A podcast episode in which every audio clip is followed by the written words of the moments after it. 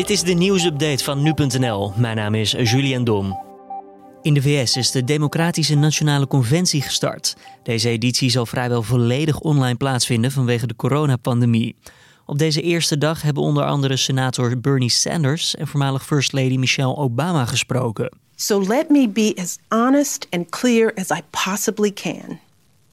Donald Trump is the wrong president for our country. He has had more than enough time to prove that he can do the job, but he is clearly in over his head. He cannot meet this moment. He simply cannot be who we need him to be for us. It is what it is. Daar hoorde je een kort stukje van de speech van Obama, die van tevoren was opgenomen. Na de conventie, die tot en met donderdag duurt, is Joe Biden officieel de kandidaat voor de Democraten, die het in november zal moeten opnemen tegen de huidige president Donald Trump. In Amersfoort en Utrecht zijn maandagavond noodbevelen afgekondigd vanwege ongeregeldheden met jongeren. In Amersfoort werd door een groep via social media afgesproken om rotzooi te trappen. Eén persoon is aangehouden.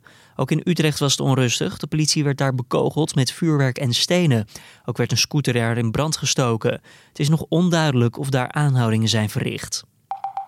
Alle scholen in Nederland moeten hun onderwijspersoneel en leerlingen uiterlijk op 1 oktober laten weten of het ventilatiesysteem in hun schoolgebouw coronaproof is. Verder is er een landelijk coördinatieteam opgericht door minister Arie Slob voor basis- en voortgezet onderwijs en media.